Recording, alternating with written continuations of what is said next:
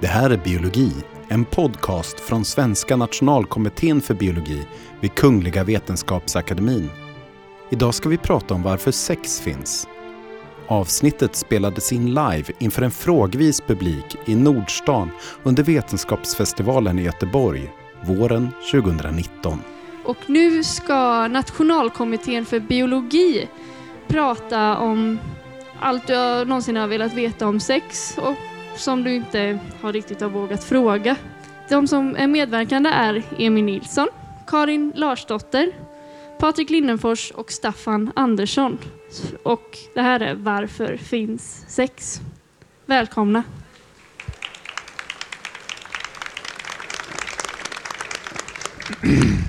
Så, tack så mycket för den introduktionen.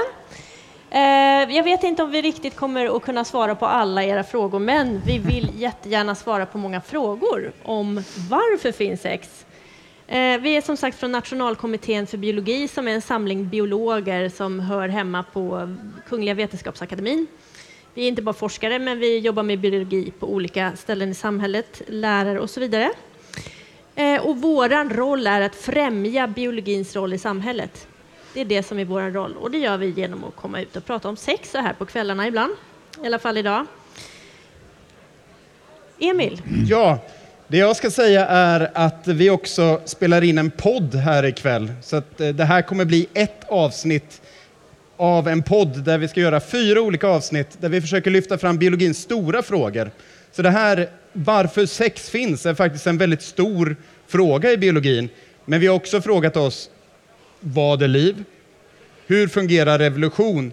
Och eh, vad är biologisk mångfald? Så det kommer vara de fyra benen som det, den podden kommer stå på. Ja, och några poddavsnitt har spelats in. Och det som spelas in är alltså idag det här avsnittet om sex. Och sen kommer det ligga någonstans och lyssna på, ladda Ja, ner. det ska vi lösa på något bra sätt helt kommer enkelt. vi lösa, så att ni kommer kunna få lyssna på den här avsnittet senare och också även andra avsnitt om ni är intresserade av biologi. Eh, nu ska jag berätta lite grann hur det går till. Vi kommer presentera oss själva och vad vi har jobbat med inom biologi och sen är det så att vi kommer att introducera att ni kommer få vara med i den här diskussionen kring vad sex ska vara till för och vad det är bra för. Varför sex finns. Så att jag tänkte börja med att fråga Emil, vem är du? Vem är jag? Det är en jättebra fråga. Jag jobbar på ett museum som heter Biotopia i Uppsala. Där jag bland annat producerar en podd som heter Naturpodden.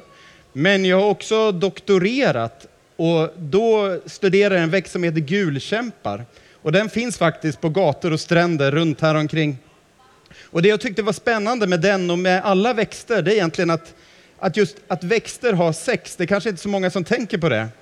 Men det finns både handelar och hondelar på växter och på de flesta växter så sitter de i samma blomma. Men trots det så kan de inte para sig med, med sig själva, oftast. Så det finns massa molekylära mekanismer som hindrar det. Så det måste alltså vara någon slags fördel med att de korsar sig mellan planter. Och det kanske är lite kärnan i varför sex finns. Så sånt var jag väldigt intresserad av när jag doktorerade. Kan vi få chans att prata mer om det senare också? Och om jag presenterar mig då så heter jag Karin Larsdotter och jag jobbar på KTH. Eh, och jag har en bakgrund som botaniker också, som biolog, växtbiolog alltså. Men jag har forskat på hur man kan använda de här små växterna för att göra tekniska saker. Så jag har eh, forskat på vattenrening. Man använder små mik- mikroalger, encelliga små mini-mini-växter kan man säga, för att göra rening av vatten. Så det är- har varit mitt specialområde. Eh, och jag är väldigt intresserad av allt som kallas för kryptogamer. Kryptogamer är ett ganska underligt begrepp egentligen som var, kom till för länge sedan. Man kan säga att det är allting som inte är växter eller djur. Eh, På Linnés tid så, så när jag började sortera in det hela så där krypto betyder typ konstig kan man säga. Krypt, konstiga små varelser och det är svampar till exempel, det är alger. Och de här är också väldigt intressanta ur sexuellt perspektiv för att väldigt många, de allra flesta skulle jag vilja säga, svampar kan reproducera sig både sexuellt och asexuellt. Man har det här alltså som en spridningsmekanism. Så mögelsvampar till exempel, då vet ni ju mögelsporer som man kan vara allergisk för och så vidare. Och man kan se om någonting har möglat så är det svart lurv och så blir det alldeles som mjöligt, så sporer.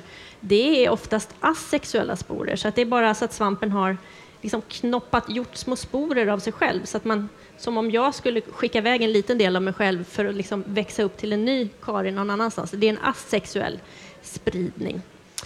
Så det eh, kommer in där. Men så har vi ju två till personer här på scen. Patrik. Ja, hej. Patrik Lindenfors heter jag. Eh, jag doktorerade en gång i tiden på evolutionen av könsskillnader. Om det nu finns två kön, varför blir de olika? var den fråga jag ställde mig. Men nu för tiden så forskar jag på något som heter kulturell evolution, det vill säga om man kan använda metoder från biologin för att förstå samhällsförändring. Jag tänkte jag skulle börja ringa in det här problemet som vi ska prata om här idag. Liksom, vad, vad är sex för någonting? Och rent generellt kan man säga att sex är när två individer blandar sina gener och på så sätt blir det en ny individ. Det är det vi kallar sex. Och det här uppstod hos flercelliga organismer för sådär 1,2 miljarder år sedan. Det var ju de äldsta fossil man har hittat av sporer och gameter, alltså könsceller. Och varför det här är ett evolutionärt problem är för egentligen, man kan ställa frågan så här, vad är hannarna bra för? Om man ska fortplanta sig, så honor kan ju bära och, och föda barn. Eh, men hannar vad är poängen där? Så att man, man, på något sätt så investeras hälften av eh, resurserna på individer som inte kan fortplanta sig genom att föda barn. Vad är det bra för? Eh, och den evolutionära gåtan är egentligen om man nu har ett paket gener och hela poängen med evolutionen är att man ska förmera de här generna till nästa generation. Varför bara skicka iväg hälften av de generna?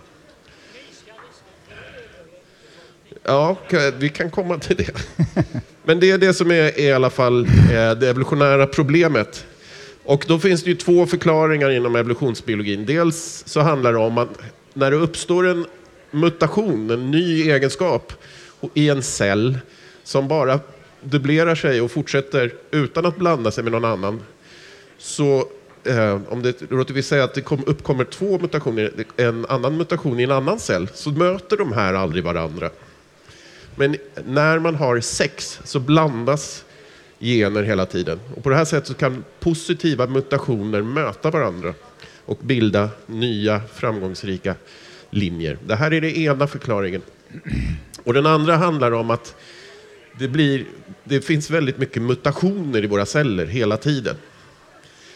Och det finns en extra kopieringsskydd kan man säga när man gör spermier och ägg. Och det, för att kromosomer möter varandra och det blir överkorsning. Och på så här sätt så eh, försvinner dåliga kopierar, dåliga mutationer. Och det är de två huvudförklaringarna man kan säga vi har för att förklara varför sex överhuvudtaget finns. Ja. Så, tack för det Patrik. Då tänkte jag lämna över ordet till Staffan Andersson mm. som jobbar på Göteborgs universitet. Ja. Du kan presentera vad du sysslar med där. Ja, jag håller på med, eh, kan man säga, konsekvenserna av eh, det här sexet som hållits på i så många miljoner och till och med en miljard år. Eh, vad det leder till, eh, allt det här ståhejet av att hanar och honor ska möta varandra och hitta varandra och den konkurrens som uppstår mellan hanar om att hitta honor och vice versa. Vilket blir en eh, väldigt stark evolutionär kraft som har lett till en väldans massa egenskaper och egentligen om tänker efter lite på i stort sett allt, alla starka färger och former och utsmyckningar och ornament och intressanta beteenden där ute i den biologiska mångfalden så är de oftast resultatet av sexuellt urval faktiskt. Som en blomsteräng som egentligen är en stor samling könsorgan i olika färger som står där och försöker locka till sig pollinerande insekter. Och en lång rad andra konsekvenser av det här så kallade sexuella urvalet. Och det sysslar jag med hos fåglar. Eh, och eh, lite förenklat kan man säga att jag försöker ta reda på varför vissa fåglar och fågelhannar i synnerhet blir röda och andra blir gula och andra tredje blir blå. Eh, så att fåglar och könsskillnader som Patrik nämnde mellan dem och hur sexuellt urval ligger bakom mångfald i naturen och eh, kanske till och med artbildning eh, som, eh, som är mitt huvudämne. Mm. Ja, jag tänkte, nu är det alldeles strax dags. Nu kommer vi, Emil och jag, att gå runt med mikrofonen här så kommer ni att få ställa frågor. Jag tänkte bara innan vi gör det, Staffan, du pratar om någonting som heter sexuellt urval som kan vara ett begrepp som kanske inte alla känner till. Kan man förklara det som att i fågelhannarnas eh, fall till exempel, att om en hona i en viss art hela tiden väljer en fågelhanne med den färggrannaste skärten till exempel, så kommer hennes ungar också få färggranna stjärtar om de är hannar, men honungarna kommer också vilja välja hannar med färggranna stjärtar. Och så blir det bara mer och mer och mer färggranna stjärtar och det blir mer och mer honor som väljer färggranna stjärtar. Mm. Är det... Ja, det är alldeles riktigt. och sen är det också konkurrensen mellan hanar emellan som konkurrerar om tillgången så att säga till honor. Mm. Strider om revir och strider hannar emellan. Väldigt mycket som hornkronor eller lejonmanar eller vapen som också är en typ av sexuellt urval. Det är en konkurrens inom ett kön kan man säga om tillgång till det andra könet. Samtidigt så att springa runt med ett gigantiskt skägg eller en gigantisk sex, eh, färggrann stjärt måste vara opraktiskt om man ska kriga med andra hannar, är det inte så? Ja, och det var precis detta som ledde Darwin till att fundera efter han hade publicerat och förklarat det naturliga urvalet för sig själv och andra så, så funderade han vidare just på sådana här utsmyckningar och ornament som verkar ganska dyra. Ett väldans slöseri med energi och tid. Och ni kan tänka er hur en påfågelsstjärt påverkar möjligheterna att komma undan en, en, en tiger eller till exempel. Eh, och det måste finnas en förklaring till det. Och det, det var den han gav mig att i konkurrens om parningar så är det det som gäller, för det är det som är hårdvalutan i evolutionen. Det är reproduktion, det är inte överlevnad. Även om man pratar om survival of the fittest så är överlevnad inte någonting att ha om man inte inkasserar det i reproduktion. Och därför blir sexuellt urval egentligen en ännu starkare evolutionär kraft än det naturliga urvalet kan man ja. säga. Så det viktigaste är att få barn eller avkomma som överlever snarare än att man överlever själv? Ja. ja. Vad säger ni? Ska vi ta och lyfta några frågor? Är det någon i publiken som känner sig manad att ställa en första fråga eller komma med ett påstående? Ni har alltså möjlighet att ställa frågor på en väldig bredd om varför sex finns eller kanske några specialfall. Vi hade en fråga här till att börja med. Jo, eh, ja, det här du talar om, grannarstjärtar och påfågelstjärtar. Men nu är det ju bland alla eh, stora mängder av fågelarter så är det ju bara påfåglarna som har lyckats med det konststycket. Betyder det att det är en udda slump, anomali eller varför är inte massor om det skulle vara så himla bra? Vilken bra fråga. Varför har inte alla fåglar jättelika påfågelstjärtar? Det finns väldans massa, om jag får svara på den frågan, så det väldans massa olika typer av ornament och vapen eh, som är sexuellt selekterade. Och det finns många fåglar, det finns nästan 10 000 fågelarter och eh, det finns en hel del som har just långa stjärtar också. Det är flera hundra som har som har den utsmyckningen, så det är inte, är inte så ovanligt. Men så finns det mycket annat också, som eh, beteenden och fågelsång till exempel. Man brukar till och med kalla eh, fågelsång hos eh, de mest ekvilibristiska sångarna för en sorts akustiska påfågelstjärtar. Som, eh, det är en annan typ av ornament, en annan typ av signaler. Vi hade en fråga här också. Eh, ja, jag tänkte på att eh, det här, eh, alltså varför finns sex?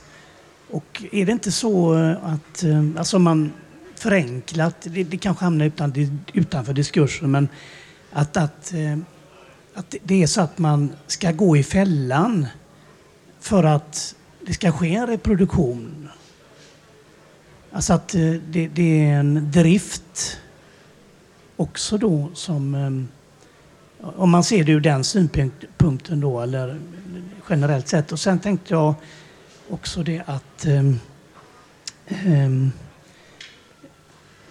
alltså sexuella, har inte det också funktionen av att eh, man ska lära sig att slappna av? Alltså att om man då säger att eh, alltså själva sexuella akten, där, där ingår ju orgasmen då och att det då Alltså på något sätt att det, det, det, ska ge människan ro att kunna slappna av och, och, och få ny kraft, alltså energi. Mm. Man kan säga så här, det, eh, evolutionära förklaringar, förklar, alltså det, varför har vi sex? Ja, därför att det känns bra. Men en evolutionär förklaring ställer frågan, varför känns det bra att ha sex? Alltså vi backar ett steg till. Vi frågar både varför det finns sex och varför det känns bra. Och då är det ju så att de som har parat sig och fått ungar är ju de som har fått ungar. Det är därför vi tycker att det är trevligt. Det, är liksom, det har gynnats under årmiljonerna att tycka att det är trevligt att ha sex. Det är det ena svaret. Det andra svaret, har sex fler funktioner än, än att, att bara fortplanta sig? Och det kan vi ju konstatera att det har. Och det finns också eh, studier på att i, i eh, arter som har sån här parbildning, där har man sex väldigt ofta inom paret för att det verkar göra, göra parbildningen stabilare. Så att det finns fler funktioner av sex än att bara ha reproduktion när det väl har uppstått. Men själva parbildningen då, varför finns den? Är det, det borde vara en fördel att ha just parbildning eller? Ja, det, det där är en lång fråga. Det, så här, alltså det, det, jag får börja från början. Det, det finns ju en initial orättvisa i det här att eh, det är hannarna överallt som har horn och fina stjärtar och sjunger. Det är bara hannar som får göra de här sakerna, nästan. Nästan. Nästan. Och då kan man ju fråga sig varför, varför, varför blev det så? Och det har med själva definitionen av vad som är en hanne och en hona att göra. Att hannar är de som har de små könscellerna, alltså pollen eller spermier. Och honor är de som har de stora könscellerna, ägg eller fröämnen. Då. Och den här skillnaden gör att det är dyrare att göra en stor sak än en liten sak. Så den stora saken då måste man vara försiktigare med och den lilla saken kan man skvätta runt så här. Och det här har gett allehanda effekter i världen som, inte, som vi nu står och brottas med. Varför är män och kvinnor olika? Ja, vi är olika stora till exempel. Det har med den här initiala skillnaden att göra. Att, att det har lönat sig hos däggdjur under vad är det, 200 miljoner år att hannarna slåss om honorna. För att det som begränsar hur många ungar en hanne får är hur många honor han kan para sig med. Det som begränsar hur många ungar en hona får är hur många hon kan föda under en livstid. Och det är nog helt, det är väldigt skevhet i de här två. Så därför uppstår den här initiala skillnaden och nu har jag tappat bort det var varför ursprungsfrågan. det är fördel att hålla ihop ett par. Just det, och då kan, man, då kan det uppstå situationer att antingen så kan nästan alla däggdjur, eller vad är det, jag kommer inte ihåg procentsatsen, men 80 procent tror jag av däggdjur så, så håller man inte ihop ett par. Utan hannen befruktar honan och så får hon klara sig bäst mm. hon kan. Så att säga. Men hos vissa så uppstår det situationer där ungen är så ömtålig och dyrbar att det krävs två föräldrar för att få, behålla, alltså att se till att den här ungen överlever. Och då behöver hannen stanna. Och då är det viktigt att den här parbildningen funkar. Vi verkar vara en sån art till viss del. Eh, men det finns också måsar till exempel. Eh, och olika apor och sådär. Sa du fiskmåsar? Jag kommer inte ihåg vilka måsar det där är. Någon mås? Någon måsfågel. Ja, det finns ju många som är, man tänker sig so socialt monogama som man säger. Där är det en hand och en hona som hjälps åt med ungarna. Och, eh, det, är, det finns så många olika strategier i det här att satsa på få ungar som har god överlevnad och ett långt reproduktivt liv. Eh, av god kvalitet kan man säga, eller sprida ut resurserna på en hundratals eller tusentals yngel där, eh, som har var och en mycket mindre överlevnad, men en, en andel av dem klarar sig ändå till vuxen ålder. Och beroende på hur den här investeringen i kvalitet i- på få högkvalitativa, dyra barn kan man säga, så, så behövs det två, eh, två föräldrar hos många. Vi ska se, vi hade en fråga här. Hej. Hej. Um, mitt namn är Ian. Um, där hemma på min Viasat har jag tre National Geographic-kanaler som jag tittar på jätteofta. Jag älskar National Geographic. Och en viktig del av mina National Geographic-kanaler är parning.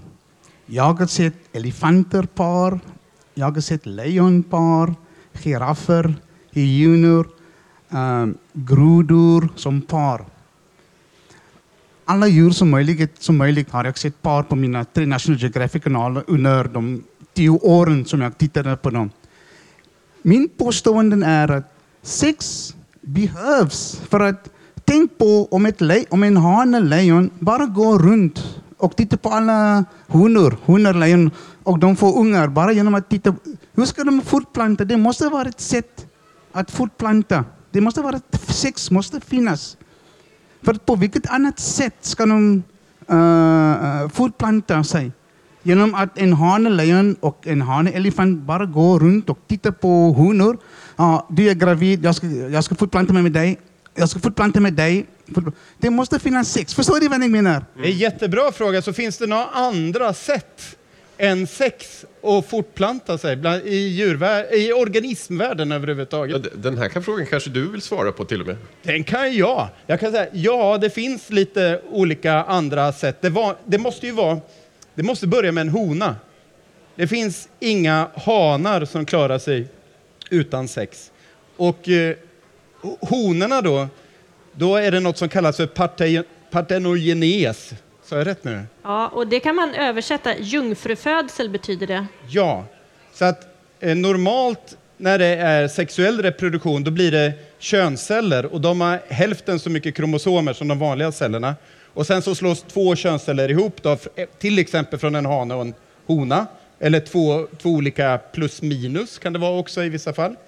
Eh, Men när det blir jungfrufödsel då har honorna fått någon mutation som gör att det hoppar över något steg. Så att det ändå blir en dubbel uppsättning kromosomer. Och det finns bland eh, några kräftdjur, det finns bland juldjur. Vad finns det mer? Vad, vad är ett juldjur, Emil? Kan Ja, det är sånt man ser i mikroskop om man tar fra, eh, prov, vattenprov från en damm. De är skitcoola, de liksom iglar sig fram. Pyttesmå encelliga små djur som Ja. lever i vatten. ja, de finns ju här ute i vattensamlingar, liksom, Ja. i parker i Göteborg. Det har observerats hos ödlor vet jag. Ja. Ja, Komodovaranen till och med, den jättestora, just det. verkar ha. Eh, Men det finns en annan, ett par andra ödlearter som verkligen säkert har det och komodovaranen eh, ser ut att kunna göra det också. Så Men de behöver inte ens titta på varandra. Nej, precis. Men det är väldigt ovanligt. Men Vi hade en, vi hade en fråga här jag tänkte bara det här, liksom, hur, då, då, finns det ju, då finns det ju djur som parar sig med sig själva och slipper det här med sex. Det var det vi drar. Vad är, det, vad är fördelar, varför finns det? Varför finns osex? Ja, Patrik var inne på det i början här. Det är, hanar är ett, ett gigantiskt slöseri. Med, ja, det visste alla ni kvinnor här i publiken redan. Men i allt det ståhejet och för att göra hälften av barnen, hälften av resurserna sätts istället i, i hanar istället för att göra eh, honor som i sin tur kan föda nya honor och så vidare. Det är dubbelt så stor reproduktionstakt. Alltså, man förlorar hälften av reproduktionen. Och det, den evolutionära fördelen med att ha sex, den måste alltså vara uppväga en förlust av halva eh, reproduktionen. Och det är, det är några väldigt stora fördelar vi pratar om där. En bara pyttekort bifråga där innan vi tar in fler från publiken. För då, då är det en fördel att man slipper det här slöseriet med att ha halva populationen i hannar. Ja, Men det måste ju ändå finnas en nackdel som ändå är den fördel med att sex finns. Att man blandar in och blandar upp generna så att man får andra egenskaper i, i, i sin avkomma. ja. Ja, så att det är en nackdel. Så att kan man ha sån här sån här jungfrufödsel i all evighet? Eller måste man ibland också blanda in en hane? Ja, de eh, flercelliga djur, eller som till exempel de här ödlor och det finns en del fiskar som kan växla om och eh, ha antingen eller. Det visar sig att de ofta be, de behöver byta om för en del av de fördelarna som Patrik var inne på, Mm. för att just blanda om kortleken, blanda om generna, blanda bort dåliga mutationer och få möjlighet att kombinera ihop bra mutationer. Så då går evolutionen snabbare kan man säga när man gör det. Och det, det är kanske den främsta hypotesen för varför sex har uppkommit och det gäller könlig fortplantning uppkommit. Det brukar kallas för Red Queen ifrån eh, eh den här i spegel, Alice i Spegellandet, där de i den röda drottningens land så säger Alice att men vi, vi, vi verkar inte komma någonstans, de springer allt vad de kan, men vi kommer ju ingenstans. Och då säger drottningen, eh, ja det är klart, här, i det här landet så måste vi springa allt vi kan för att, för att bli kvar på samma ställe. Och det är antagligen en av fördelarna med könlig reproduktion, att vi kan evolvera resistans och motståndskraft mot de parasiter, bakterier och andra parasiter som hela tiden eh, utmanar vårt immunsystem och gör att vi måste evolvera mot, motvapen, en kapprustning mellan oss och parasiter. Det är Så vi måste förändra oss och bli lite bättre hela tiden för att inte bli umsprungna av de som vill ha ihjäl oss. Alltså, ja, för att hålla, hålla oss kvar helt enkelt. Det är ju väldigt roligt att ingen har berättat det för juldjuren, för där verkar det som att de inte har haft vanligt sex på 80 miljoner år. Men vi, det finns alltid undantag. Vi hade två frågor här. Eh, eh, bara, bara några randanmärkningar. Du, du nämnde ju där fittest eh, eh, survival. Det kommer ju inte först hos Darwin i första utgåvan. Där är det ju, vad heter det, natural selection det talas om. Fittest of survival kommer ju senare. Sen en, en andra randexempel, det har du varit inne på, vad det gäller kräftdjur och jungfrufödsel, det är ju eh, räka, räkor, det är ju ett vanligt exempel så att säga. Sen när man talar om här, varför, jag skulle själv föredra reproduction eh, by eh, sexual intercourse. Det är ju ett mycket bättre eh, allmänt begrepp än den överskrift som står där så att säga. Det är, en, det är en spännande anmärkning. Sen finns det ju många organismer som parar sig utanför kropparna också, som fiskar till exempel. Det var en väl, väl, väldigt bra anmärkning att Darwin själv, han visste mycket väl att det var reproduktion det handlade om. Och han hade idén att det sexuellt urval redan när han skrev The Origin of Species, utan det var en som heter Herbert Spencer som myntade det här begreppet survival of the fittest. Och, och så var det det i en kombination med ett väldigt sexistiskt och viktorianskt England som bara kunde tänka sig kampen mellan hanar och överlevnad men inte ville prata så mycket om partnerval eller att honor skulle ha någon sorts input till det. Så det är, det en riktig anmärkning. Vi hade en fråga här också. Eh, Vi, tyvärr går det inte med frågor utanför mikrofonen för Jag hör dig det, inte är svår, nu. det är svårt att höra. Vi får sen. köra här. jag tänkte bara fråga om parningssäsonger. Mm. Eh, varför finns det och varför har inte människor det? Oj. Spännande fråga. Det är en jättestor fråga. Eh, parningssäsong är ju praktiskt för att när, eh, så slipper man spendera resurser på att para sig när det inte blir ungar av det. Alltså det är ju den förklaringen. Så kan man ju undra, varför har då människan inte det här? Och det har just med parbildningen att göra, eh, att det finns en fördel för människan att ha sex jämt för att vi då på så sätt knyts samman i par, helt enkelt. Det är den teorin som är ganska bekräftad nu om jag har förstått det. Okej, men det borde väl också höra ihop med olika årstider exempelvis? Ja, ja, alltså när parningssäsongen ligger Ja. ju, har ju med det att göra förstås. Precis.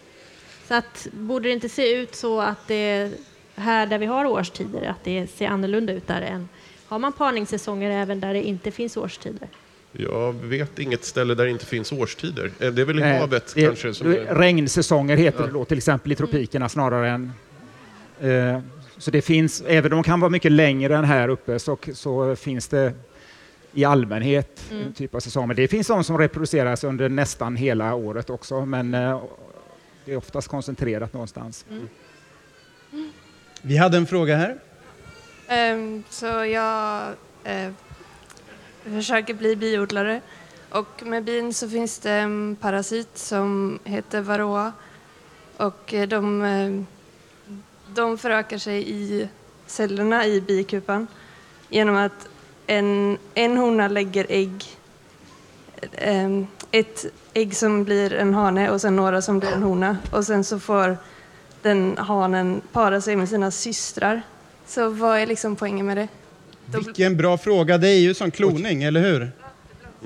Här kan man ju komma tillbaka till det här.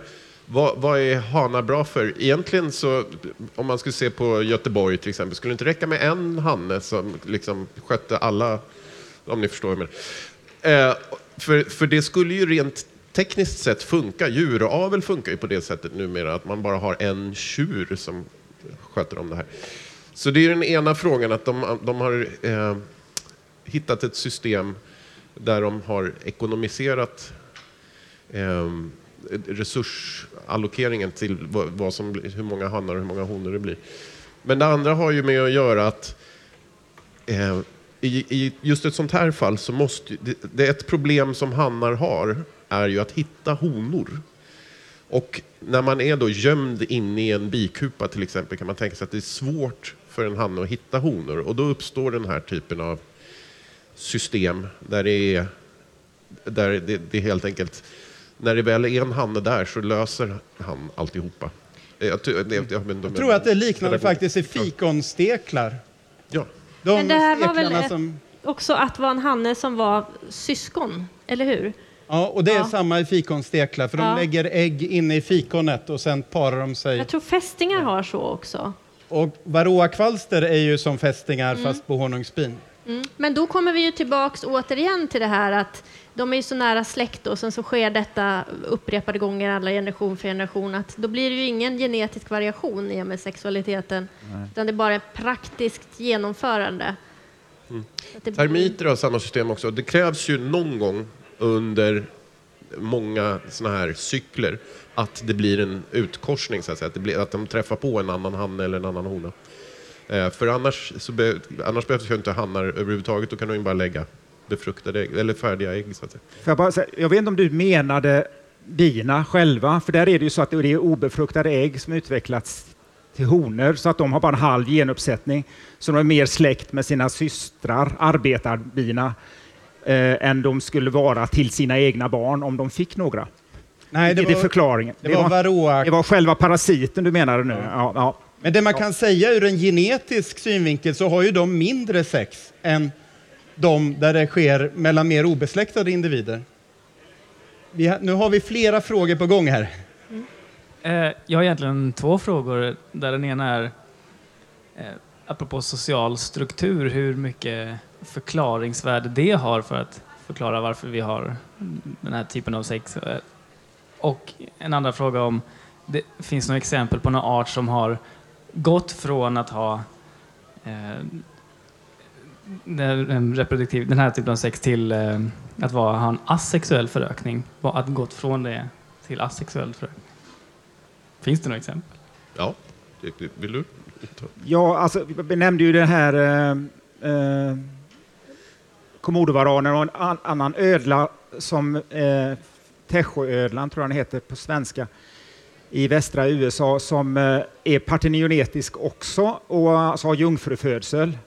Men eh, de behöver ändå träffas och ha, gå igenom hela parningsritualen, verkar det som, för att få igång systemet. Så att de har, gått, de har förmodligen gått från en sexuellt reproducerande art till eh, jungfrufödsel och, eh, och har ändå kvar en del av de beteendena som, som eh, för att få igång maskineriet så att säga, vilket är ganska intressant. Så det, det finns definitivt och sen är det ett antal kräftdjur och så andra som vi har nämnt här och fiskar som också som kan till och med slå om. Det finns variationer inom arten till och med, att en del Ja. Så det man kan säga är ju att om man ser livets träd så finns det inga av de stora grenarna som är asexuella. Utan det verkar som att de asexuella är längst ut på, de verkar, längst ut på grenarna. De är liksom ute i det små lövverket. Så att de kanske inte är så långlivade. Det uppstår hela tiden, men de Ja. försvinner efterhand. För att de inte anpassar sig till nya omständigheter. Men jag kan, jag kan ta din andra fråga om social struktur.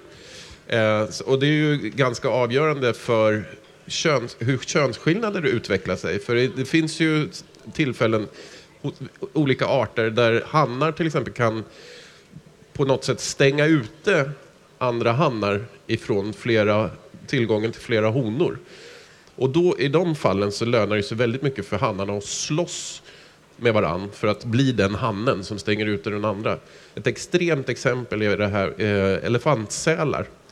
Där de kommer upp på stranden, honorna lägger, sin, äh, lägger sina ägg, höll jag på att säga, men de föder sina ungar på stranden. Och sen ska de para sig då. Då finns det en möjlighet att för en hanne att monopolisera hela stranden och ta över alla de här honorna. Och därför är det ju strid på liv och död att bli den hannen som kan göra det här. Och då uppstår en väldigt stor skillnad mellan hannar och honor, hur de ser ut. Så social struktur har väldigt stor avgörande på hur, stor, ja, hur könsskillnaderna utvecklar sig.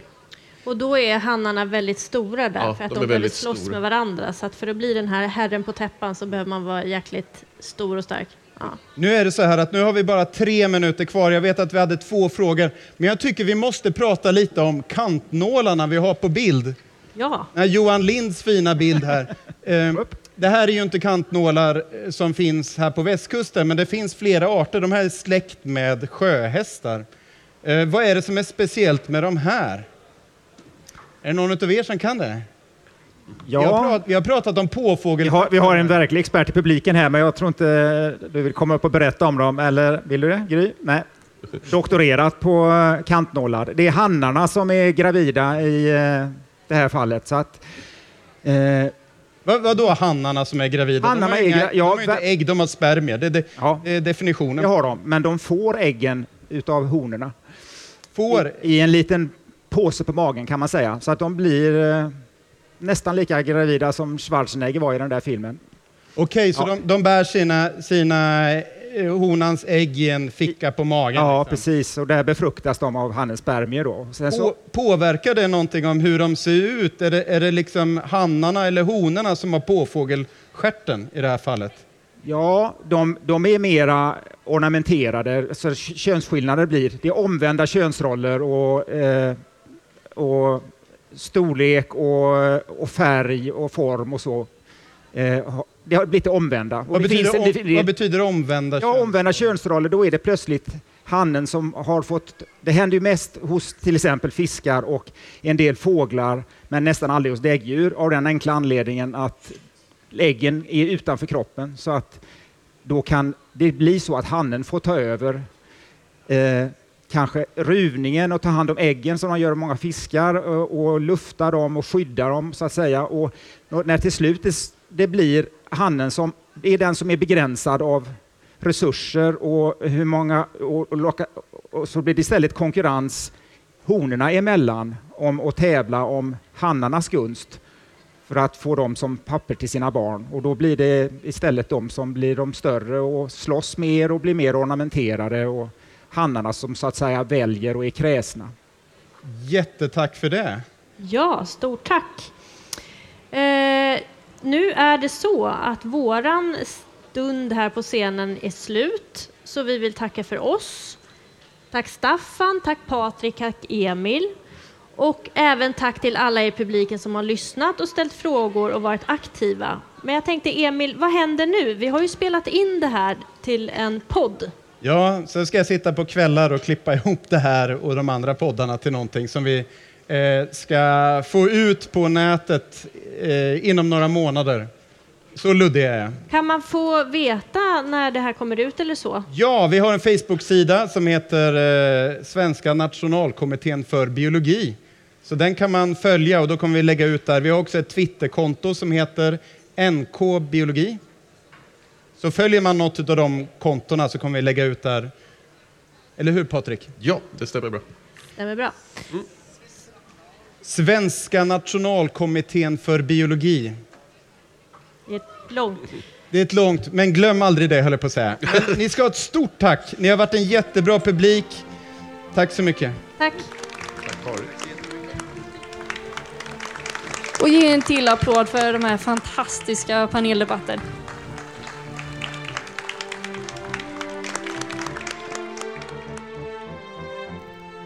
Du har lyssnat på podcasten Det här är biologi av Svenska nationalkommittén för biologi vid Kungliga Vetenskapsakademien. Avsnittet är inspelat live av Håkan Prykkeli på Eltech Produktion på Vetenskapsfestivalens scen inne på Femmans galleria i Nordstan, Göteborg den 3 april 2019. Ljudet är klippt av mig, Emil V Nilsson och mastrat av Daniel Scherer på Biotopia Uppsala. Tack för att du har lyssnat.